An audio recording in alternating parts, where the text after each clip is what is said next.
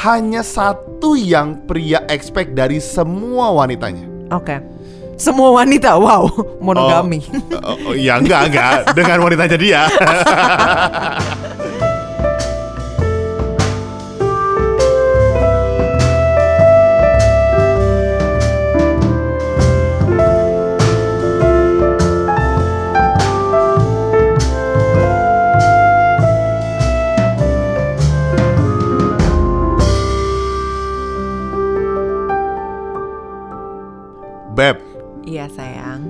biasanya kalau kita memulai sebuah episode, Mm-mm. kita pasti muncul dengan sebuah pertanyaan. Iya dong, pasti dong. Nah, kali ini Iya. kita bikin agak beda. Oke. Kita akan mulai episode ini dengan buka-bukaan. Buka-bukaan apa nih Beb maksudnya? Ya, kita harus membuka yang tidak perlu Tertutup. dipakai. Iya dong. iya, uh, membuka yang tertutup ya, Iya. supaya terbuka dan terekspos. Ah, Nah, kalau misalnya apa dulu nih yang loh, mau di? segala hal kalau terbuka itu menyenangkan. Oh, Dan pasti. segala hal yang terbuka itu bisa melepaskan beban. Oh iya. Iya dong. Karena lebih ringan rasanya. Lebih kan? ringan rasanya kan dan Uh-uh. bisa memuncratkan sesuatu. Iya itu. Mungkin kayak perasaan-perasaan kebencian. Oh, perasaan yang terpendam. Iya, jadi Uh-uh. dengan buka-bukaan itu menyenangkan. Oke, coba Nah. mungkin kamu mau membuka sesuatu dulu di awal-awal. Kalau membuka gitu atau kita turun aja dulu yuk, kita buka dulu gimana? Baru kita naik lagi. Maksudnya kita berbuka dengan doa. Oke, jadi sebenarnya kembali lagi gitu ya, Beb. Kita itu mau membahas tentang ekspektasi-ekspektasi yang seharusnya sesuai dengan kebenaran. Maksudnya Ush. gini, maksudnya gini. Karena kadang-kadang orang itu punya ekspektasi tapi nggak realistis atau hanya didasarkan oleh keegoisan atau nafsu pribadi Oh. mereka gitu kan. Yang sebenarnya nafsu itu ya ada bagus ada buruknya juga. Maksudnya gitu. nafsu tuh fantasi-fantasi gitu kan? Maksudnya gini beb, ketika misalnya gitu ya, kalau eh, menurut aku sih ya ini ini open to discussion banget gitu. Menurut aku nafsu itu adalah sesuatu pemberian dan juga gift gitu loh dari Tuhan. Kenapa? Lu bayangin deh, kalau lu makan tapi nggak nafsu, nggak enak kan? Ya, betul. Istilahnya lu nggak bisa menikmati. Sama juga dengan nafsu kalian terhadap istri atau suami kalian yang memang seharusnya gitu. Berarti kau mesti bersyukur karena kamu nafsuin banget, Beb. Oke. maksud gue. Oke, ini kayaknya uh, inappropriate ya. Tapi maksud gue gini gini gini. Di dalam konteks yang sebaiknya dan sebagusnya nafsu itu pada dasarnya itu sesuatu yang baik. Tapi kadangkala nafsu itu karena tidak terkontrolkan menjadi nafsu yang membabi buta. Dan yang kemarin kita omongin tuh rata-rata adalah nafsu kita. Misalnya, Yes, bener. aku maunya yang seksi, cantik, yang besar-besar. Iya, bener. Kamu mau boy band yang yang, yang, cool, gimana, yang misterius cool, gitu, gitu, kan. Iya, iya, iya, nah, iya, iya. jadi sebenarnya terus aku mikir-mikir kan, em, punya ekspektasi itu boleh, tetapi yang sesuai dengan kebenaran dan juga sesuai dengan porsinya. Ush, Gila, gue kayak mau khotbah aja gitu. gila, Maksud gue gini, gini, gini. Misalnya ya, kalau misalnya kita ngomongin tentang nafsu, kalau pada porsinya itu bagus. Nah, kalau ekspektasi juga sesuai dengan porsinya itu bagus. Maksudnya gini, kalau kalian itu mengucapkan janji pernikahan dengan suami kalian, tapi kalian gak punya ekspektasi bahwa suami kalian itu harus, Harus setia, begini, ya, ya, uh-uh, ya, ya. harus eh, tidak melakukan emotional abuse, tidak melakukan mental abuse. Nah itu berarti lu aneh banget gitu. Ya, betul, betul, Karena betul. memang basically kan janji pernikahan adalah you expect from your spouse supaya dia bisa setia dan menjaga kamu sampai mati. Betul. Jadi sebetulnya tidak ada yang salah dengan ekspektasi. Yes. Yang kita mau bahas adalah apa sih sebetulnya ekspektasi yang harusnya orang punya terhadap pasangan dia. benar. Sebenarnya ini sifatnya relatif sebetulnya. Orang bisa punya ekspektasi yang berbeda-beda. Yes. Yang menurut mereka anggap benar sebetulnya. Yes. Tapi kita akan bahas dari sudut pandang kita apa yang kita punya sebetulnya, apa yang kita expect terhadap pasangan kita. Mm-mm. Yang- Eh, tetapi terlebih lagi hal-hal dasar apa sih? Karena kalau kita ngomongin nitty gritty dan kayak yang spesifik spesifiknya itu pasti banyak Betul, betul, dan di betul. list down itu nggak ada habisnya. Jadi ini yang mau kita kasih adalah yang eh, basic hal-hal yang kayaknya semua orang bisa agree gitu. Ya, dan yang harus memuaskan juga. Enggak ya? Kita ngomongin konteks Iya, puas memuaskan gitu. nafsu, ya nafsu untuk eh, apa nih misalnya beb? Kalau dari cowok itu punya ekspektasi apa sih dari seorang wanita yang menjadi istrinya? Oke. Jadi, menurut Uh-uh. aku, Oke, laki-laki hanya berekspektasi satu dari wanitanya. oh oke, hanya satu. Kayak soalnya wanita punya banyak beb, dia nggak cuma punya satu. Oh, ya. Wanita itu ada ada lebih dari satu lah, Beb. Iya. Kita nih ngomongin apa sih sebenarnya? Nggak maksud gue ekspektasi masa cuma satu sih? Ah. Masa nggak mau serius? Lihat, aku akan menjelaskan ini. Oke. Beb, kamu dengarkan ini baik-baik. Karena kamu wanita dan aku expect ini dari seorang wanita. Uh, gila. Oke. Gue jadi berasa kayak agak sedikit di hot seat gitu. Oke. Hanya satu yang pria expect dari semua wanitanya. Oke. Semua wanita, wow, monogami. Oh, oh, ya enggak enggak dengan wanitanya dia. Biarkan pria menjadi pria pada porsinya. Kayak iklan rokok gitu, beb. Oke, jadi gini. Kadang-kadang wanita itu tidak memperlakukan prianya selayaknya seorang pria. Mm-mm. Pria itu punya ego yang agak besar. Mm-mm. Pria itu punya sisi dominan yang agak besar. Mm. Tid- eh, menurut aku ya, tidak dipungkiri bahwa semua pria tuh punya sisi dominan. Mungkin Oke. ada yang flekmatis, ada yang Hmm. melankolis, tapi gimana pun pria punya sisi dominan. Mm. Pria punya sisi leadership. Oke. Pria itu punya sisi ego dan leadership itu masuk di part ego yang bagus selama porsinya sesuai. Oke. Ego itu kan bagus sebetulnya kalau porsinya sesuai. Of sebetulnya. course. Nah, menurut aku sering kali perempuan tidak memahami itu. Oke. Mereka tidak menjadikan prianya seorang pria. Aku kasih contoh gini. Uh-uh. Misalnya pria itu punya ide atau pria itu punya suatu pandangan atau pria itu punya sesuatu yang dia mau ungkapin. Tapi karena wanitanya dominan, Mm-mm. kayaknya mereka merasa eh ini bagus deh, ini bagus deh, ini bagus deh. Sehingga pria itu tidak punya ruang untuk jadi seorang pria. Mm, jadi dia agak sedikit uh, shutdown Iya, iya, dan iya. habis itu nggak mau melit lagi gitu. Iya, iya. Karena memang pada dasarnya natur pria gitu. Mereka suka ditanya, "Eh, menurut kamu gimana?" gitu. Gi- gimana kalau kita ambil ini tapi coba deh kamu pikir kamu dulu deh menurut kamu gimana gitu. Kalau kamu misalnya setuju, aku jalan. Nah, itu kebanggaan pria, Beb. Hmm, misalnya nih Beb ya, gue jadi wanita, tapi terus abis itu gue punya pria itu bisa dibilang ya eh, worst case scenario-nya gak bisa diandalkan atau bahkan dia nggak punya sisi kreatif atau inisiatif. Gimana nih caranya kita seorang wanita mesti merespek dan juga memberi ruang untuk dia memimpin? Cari laki lain. Iya kan kalau misal belum jadi suami sih ya enggak, bisa enggak. gitu kan. Gini, Tapi kan- misalnya nih udah suami nih ngerti, Beb ngerti, gimana? ngerti. Menurut aku gini ya. Menurut aku eh, ketika kalian ngobrol atau mancing biasanya laki-laki itu punya sesuatu yang mereka suka banget. Oke. Entah hobinya atau apa. Oke. Once kalian bisa masuk di situ, bisa masuk di topik yang dia banget, Mm. dia akan jadi sangat antusias, Mm. excited, dan dia bisa kreatif dengan sesuatu itu. Mm. Ketika kalian mulai masuk dari topik itu, kalian bisa masuk ke mana-mana biasanya. Oh, Karena iya. itu topik favoritnya dia, biasa Oh. gitu.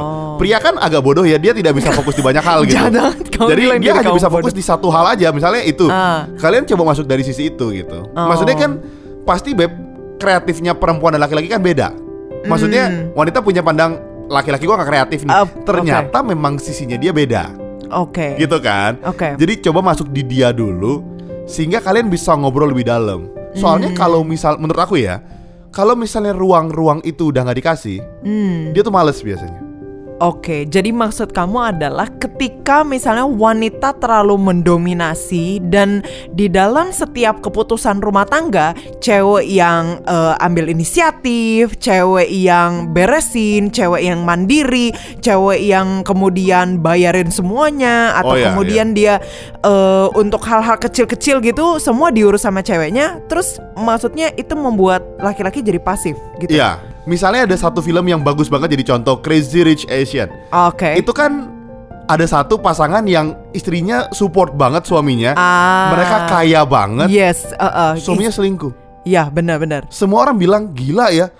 Padahal istrinya kalau beli barang mewah dia Ya, sembunyiin. Cantik banget. Cantik banget. Kenapa sebetulnya? Hmm. Kita kan nggak pernah tahu faktor di balik itu ya.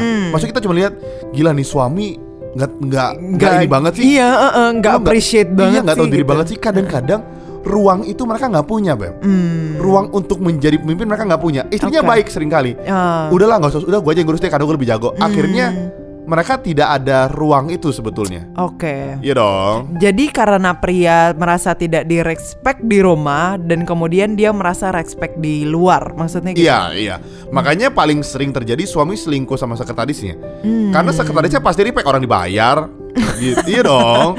Jadi dibayar untuk respect. dibayar untuk respect dan Ya. makanya itu sering terjadi padahal istrinya tidak kurang baik. Nah, ruang-ruang itu yang mesti dikasih. Hmm. Tanpa dipungkiri juga laki-laki juga kadang-kadang males kalau istrinya cuman atau pacarnya ngerongrong doang gitu. Kayak cuman tahu kan yang Cuma gelendotan, Gelendotan doang. males, Males. ngabisin duit. Iya, itu juga Oke. pasti annoying buat kita pasti tidak Nggak bukan memberikan semangat. ruang malah. Iya, Ya. malah ngabisin malah jadi capek gitu Hmm, sebetulnya. Oke. Nah, tadi kan aku bilang ada satu. Heeh. Setelah aku pikir-pikir, karena wanita itu punya lebih dari satu, jadi kita bikin dua. Wow, biar lebih Oke. mengilhami gitu loh, Beb. Oke, apa Beb? Jadi yang- ada dua yang laki-laki suka. Oke. Yang pertama, biarkan dia menjadi pria. Oke. Yang kedua, biarkan dia menjadi imajinasinya masa kecil. Apaan tuh maksudnya? Gini, Beb, bayangin ya. Kalau aku tanya kamu, Heeh. tokoh superhero itu rata-rata laki atau perempuan? Laki-laki. Yang nonton biasanya juga Laki-laki. Makanya laki-laki dari kecil dia itu punya mindset dia seorang superhero Hmm. dan dia itu seorang penyelamat. Heeh. Jadi sadar nggak disadari Mm-mm. itu membentuk mentalnya sampai besar sebetulnya. Oke. Jadi kalau misalnya kalian punya pasangan, tiba-tiba dia melakukan hal yang menurut kalian nggak perlu, Mm-mm. bawain tas kalian misalnya. Orang gue bisa, tas gue juga ringan. Yaitu sisi superhero-nya dia gitu. Mm. Karena dia nggak bisa kamehameha, sehingga dia butuh yang lain kan, gitu beb. Tapi aku punya pertanyaan dah Beb Soalnya gini eh, Film-film superhero itu kebanyakan dari barat Bener nggak? Iya, iya. Atau mungkin film silat Cina lah gitu Oke. Tapi kalaupun film silat Cina itu bukan untuk menyelamatkan putri-putri sih Biasanya yang kayak eh, Saving a damsel in distress misalnya Itu Iya, kan kayak iya. film barat banget Ya. Menurut kamu apakah itu hanyalah suatu konsep barat yang ditanamkan terhadap setiap orang-orang yang menontonnya atau itu merupakan suatu kebenaran? Karena don't get me wrong, kadangkala ada konsep-konsep dari West sana yang dari Amerika yang nggak nggak semuanya bener gitu loh yang nggak semuanya gue plak-plak dan turutin apakah itu hanya suatu stigma yang berhasil atau dicoba untuk ditanamkan di terhadap otak seor- seorang pria atau emang harusnya kayak gitu Oke, eh, ini jadi perbedaannya antara dosen dan bukan dosen. Kalau dia nanya, gue berpikir sangat keras gitu. Susah banget nanyanya, gak bisa disimplified apa bahasanya. Ini ini ceritanya buat ujian beb ini eh, nilainya 60% dari keseluruhan Berat ya. jadi ya jadi kamu harus jawab dengan tepat Oke. dengan kata kunci yang sudah saya ajarkan O- tadi Oke, sebetulnya sih gue tidak terlalu mengerti pertanyaannya. tapi gini, tapi gini, tapi gini. Menurut aku ya, Mm-mm. kan film itu ada banyak yes dan pasti approach-nya beda-beda. oke Dan pasti juga kadang-kadang yang diselamatkan juga beda-beda. Nggak harus putri bisa macam-macam. ya Tapi yang semua anak laki-laki tangkap, uh-uh. dia itu menjadi penyelamat. Poinnya cuma itu. Iya benar. Ap- ap- apa pun konteksnya, ah dia merasa dari kecil dia itu monolog. Makanya kalau misalnya, Hmm. misalnya perhatiin ya, misalnya gini, ada orang mau nyebrang, Mm-mm. dia secara natur akan coba untuk nyebrangin. Hmm. Even dia Pak Ogah tanda kutip atau misalnya dia, atau dia apa dia akan punya natur untuk menyeberangkan karena memang dari kecil ya ditonton begitu. Hmm. Gitu. Jadi menurut aku itu adalah nature laki-laki dari kecil. Mm-mm. Nah, makanya tadi aku kasih contoh.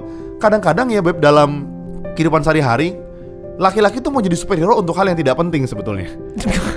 Kayak bawain tas gitu. Cuman memang itu yang jadi naturnya mereka Hmm. gitu. Buat aku sih ya kalau misalnya ditanya, selain biarkan laki-laki menjadi laki-laki, Uh-uh. biarkan dia menjadi superhero buat kalian Oke. gitu. Biarkan jadi kalau misalnya kalian mandiri dan merasa sangat independen ya nggak apa-apa juga. Kita sangat mendukung ke orang independen sebetulnya nggak gelendotan gitu. Tapi ada kalanya mungkin dia pengen show off siapa dia gitu. Hmm. Dan biarkan dia jadi orang seperti itu. Tapi berarti poin kedua kamu ini sebenarnya mirip dengan poin pertama sih, basically. Ya, Yaitu- kan kan biar kelihatan pinter.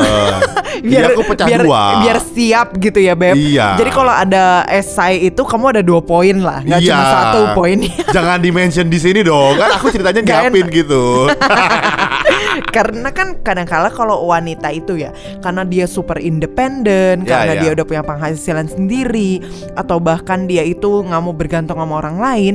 Kadang-kala dia itu maunya nggak dikejar-kejar, maunya beresin semua sendiri, Ya, maunya beresin semuanya cepet gitu ya. Apalagi ketika dia udah kerja atau dia udah punya posisi gitu. Jadi kadang-kala ya kita sebagai wanita itu em, suka lupa untuk memberikan ruang bagi pria Ya. untuk bekerja. Suka lupa memberikan ruang bagi pria untuk mengejar kita dan actually mempertontonkan kehebatan pria mereka. Kejantanannya. Iya, kejantanannya. Hebat kamu plus poin dapat plus poin. Iya dong. Kita harus menunjukkan sisi jantan kita kan. Iya benar. Nah sering kali wanita itu nggak berikan ruang dan waktu bagi pria untuk itu. Nah tapi beb eh, ada pertanyaan lagi nih buat aku karena Eh jangan susah-susah ya. Aku udah dianggap membatas nih bisa nggak lulus. Iya tadi udah 30% Ya. Dari 60% kamu udah bener 30% Satu lagi deh Aku itu sering ngeliat ya Ketika baca buku psikologi Atau bahkan em, Ikut-ikut pelatihan seminar tentang em, marriage and relationship Salah satu kebutuhan pria itu adalah seks Itu bener atau enggak? Itu benar. Berarti bukan cuma dua dong Kamu mestinya tulis tiga poin tadi Enggak, kan dua itu kita asumsikan supaya mirip dengan bentuk-bentuk tertentu gitu maksudnya. Enggak, enggak, enggak. Jadi gini gini gini. Beb, menurut aku ya seks itu perlu sebetulnya. Oke Pasti perlu karena itu bangun intimacy, bonding Betul. gitu. Itu perlu. Tapi pernah gak sih kamu pikir gini, misalnya istrinya cantik, Mm-mm. hubungan seks lancar, tapi selingkuh. Berarti kan bukan seks poinnya. Hmm. Maksudnya kalau misalnya dia dapat di rumah, harusnya it's not a big deal. Ngerti. Ternyata tidak. Ngerti. Karena respect is way more important than sex. Hmm. Buat laki-laki itu harga mati dan itu harga diri buat mereka. Hmm. Kalau respectnya mereka hilang, mereka akan gimana gitu rasanya. Makanya kalau kamu tanya, dalam sebuah hubungan yang normal, Mm-mm. seks itu pasti diperlukan. Hmm. Tapi kalau laki-laki itu udah nggak dapat respect, seks itu nggak ada artinya. Hmm. Gitu. Oke. Jadi kemudian itu menjadi suatu nafsu, pemuas Iya, nafsu iya. doang gitu ya. Itu doang. Jadi ma- makanya kan mereka bisa selingkuh sekalipun istrinya cantik. Hmm. Iya iya iya. Tapi aku suka banget sama statement kamu yang pertama bahwa Mm-mm. nafsu itu emang pemberian yang maha kuasa Betul. dan bersyukur banget karena kamu itu nafsuin banget. ya aku suka banget statement itu. Eh di sini ada siapa lagi selain gue ya? Nggak ada. Gak ada, kamu doang. Ayo kita turun dia abis ini. Belum ya, belum ya, belum. Belum beb, karena aku harus jelasin apa ekspektasi wanita dari pria. Oh. Itu juga penting karena wanita itu juga punya kebutuhan, beb. Seks. Enggak. Seks adalah jelmaan dari kebutuhan ini, Beb. Yaitu yang pertama, wanita butuh rasa aman dulu. Karena kalau misalnya wanita nggak punya rasa aman dan nggak secure sama pasangannya, dia nggak mungkin mau have sex. Itu artinya dia itu diperkosa. Oh. Iya dong. Kalau misalnya wanita itu dengan segala kerelaannya itu memberikan what is the most precious thing yang mereka punya yaitu their virginity, itu berarti dia harus merasa aman dan percaya sama pasangannya. Oh, bagus, bagus, bagus. Bagus kan? Nah, Eh, tapi kamu eh, kalau setiap malam tidak diperkosa kan? Enggak. Kita menikmati dengan sangat Iya, senang itu kan? mutual kok, Beb. Oke oke oke oke. Jadi maksud aku rasa aman tuh kayak rasa aman secara finansial, rasa aman secara emosional. Jadi merasa bahwa wanita itu bisa meluapkan isi hatinya dan percaya bahwa pria ini nggak akan macam-macam sama dia. I see. Gitu. Jadi ya sering kali ada bahayanya juga karena wanita itu eh, suka jatuh cinta cuma lewat kupingnya doang gitu kan. Karena pria suka menggombal dan mengumbar janji palsu. Ah udah nanti gua akan bawa kamu ke taman sini. Ah udah nanti aku akan belikan kamu sekuntum bunga gitu kan. Terus huh, kelepek-kelepek gitu. Padahal belum tentu itu merupakan suatu realita. Cuma Iya, janji iya. gombal. Belum belum janji. Itu bukan rasa aman sebetulnya ya. Bener. Dan kalau kalian dijanjiin suku bunga, nanti kita bisa kirimin karena murah-murah. Kita beli di mana? Di Di rawa Rawabelong. ada murah-murah. Jadi kalau laki-laki kalian janji ngasih itu buat minta yang lain-lain, mendingan tidak usah. Nanti bilang kita aja, kita kirimin nanti. Iya tapi anyway wanita itu butuh rasa aman Ya, dan ya, secure dulu dari prianya. Oke. Apakah prianya itu bisa provide everything that I need? Apakah secara emotional pria ini bisa fulfill my needs dan juga gue itu merasa dimengerti? Apakah aku merasa secure dan aman dalam artian dia nggak akan menyakiti gue di hal-hal eh, di luar kesepakatan bersama atau di luar hmm, kenyamanan saya gitu. Apakah dia itu kemudian akan verbal abuse atau physical abuse? Jadi kalau misalnya wanita nggak merasa mempercayai prianya karena dia nggak percaya akan rasa aman yang diberikan itu, wanita nggak akan memberikan hal yang lain-lain terhadap pasangannya. Mm-mm. You know you want it, Hmm. Ah, I know I want it, man. yang kedua, yang kedua, yang ya, kedua. yang kedua itu wanita itu pengen supaya ada komitmen dan juga kepastian dari pasangannya. Ini maksudnya setia. Setia, yes of course. Tapi lebih daripada setia, wanita itu pengen eh, seorang pria itu menjadi pemimpin dalam keluarganya. Jadi makanya aku kasih tahu bahwa wanita butuh kepastian. Maksudnya apa? Cuma seorang pria yang menjadi pemimpin yang baik dan tahu visi hidupnya dan tahu akan tujuan hidupnya yang akan memberi kepastian kepada pasangannya. Nah, mungkin satu juga tambahan, yaitu bagi seorang wanita itu berharap seorang pria itu menjadi pemimpin atau imam di dalam keluarganya. Maksudnya apa? Ini nggak sesuai dengan eh, hanya terbatas emosional ataupun spiritual atau agama tertentu ya. Ya, Tapi ya. maksudnya menjadi pria itu seharusnya membawa level spiritual keluarga kalian itu menjadi level yang lebih baik Betul, dan betul. lebih atas. Ya. Maksudnya yang tadinya misalnya nih, istri gua ini suka marah-marah. Istri gua ini suka keceplosan atau suka mempermalukan misalnya gitu. Atau anak-anak gue itu suka bikin malu atau apalah gitu ya. Nah, sebagai imam di dalam rumah tangga, you harus bisa membawa kalian punya keluarga itu ke level yang lebih tinggi dan lebih dewasa secara spiritual. Jadi kalau misalnya kita mau lihat ekspektasi wanita terhadap pria, Mm-mm. wanita tidak serta merta ekspektasinya punya laki-laki yang mencukupkan dia doang secara materi. Mm-mm. Sebenarnya ada banyak faktor Betul. dan bahkan salah satunya jadi pemimpin keluarga dalam mental dan spiritual sebetulnya. Betul sekali. Karena dengan finansial yang melimpah tidak menjamin kalian punya attitude yang baik Betul. dan karakter yang baik. Nah, makanya buat kalian laki-laki jangan hanya mengukur diri kalian dari materi yang kalian punya. Mm-mm. Karena nilai diri kalian tuh banyak sekali sebetulnya. Ih sedap. Iya dong. Iya benar. Selain materi ada kejantanan juga kan. Nilai jantan gitu ya. Ini jantan. gitu. Nah, Beb. Jadi gimana Beb kalau misalnya nih di dalam kehidupan pernikahan kita suami atau istri kita itu tidak sesuai dengan kebutuhan, bukan ekspektasi bahkan Iya. kebutuhan kita gitu. Aduh, istri gua nggak respect gue nih. Aduh, suami gue itu eh, nggak menjadi pemimpin dan punya visi yang baik. Itu gimana dong? Ya nggak apa-apa. Ini Jawabannya gitu parah doang. banget. Iya, ya padahal kita bahas ini. Kayaknya realistis banget kamu jawabannya. Enggak, kita mau bilang gini. tidak ada pasangan yang persis sesuai semua kebutuhannya. Gila, there's no textbook couple gitu ya Beb ya. Iya, nggak, memang nggak ada, nggak ada yang sesuai semua nggak ada, makanya pasti berantem, True. makanya pasti konflik gitu. Yes. Nah, yang berhasil lewat itu, mereka naik level. Ih. Yang enggak, mereka berakhir dengan hal-hal lainnya. Gitu kita nggak pernah tahu ya. Tapi Iya. maksudnya karena nggak pernah ada yang sempurna. Kalau ditanya gue sama ini juga ekspektasinya nggak kena. True. Bahkan yang kita bilang sekarang belum tentu terjadi juga. Bener. dong. Kita tetap terus diasah dan Iya, mengasah betul, gitu. betul. Yang yang yang tadi kita bicarakan itu sebetulnya kita nyindir pasangan kita yang lain sebetulnya. nggak nyindir pasangan satu sama lain gitu loh. Dalam arti kita ini eh, mungkin nggak ada video tapi kita kedip-kedip banyak. Jadi memang kalau kamu tanya aku, memang tidak ada. Hmm. Dan dalam prosesnya kalian terus belajar.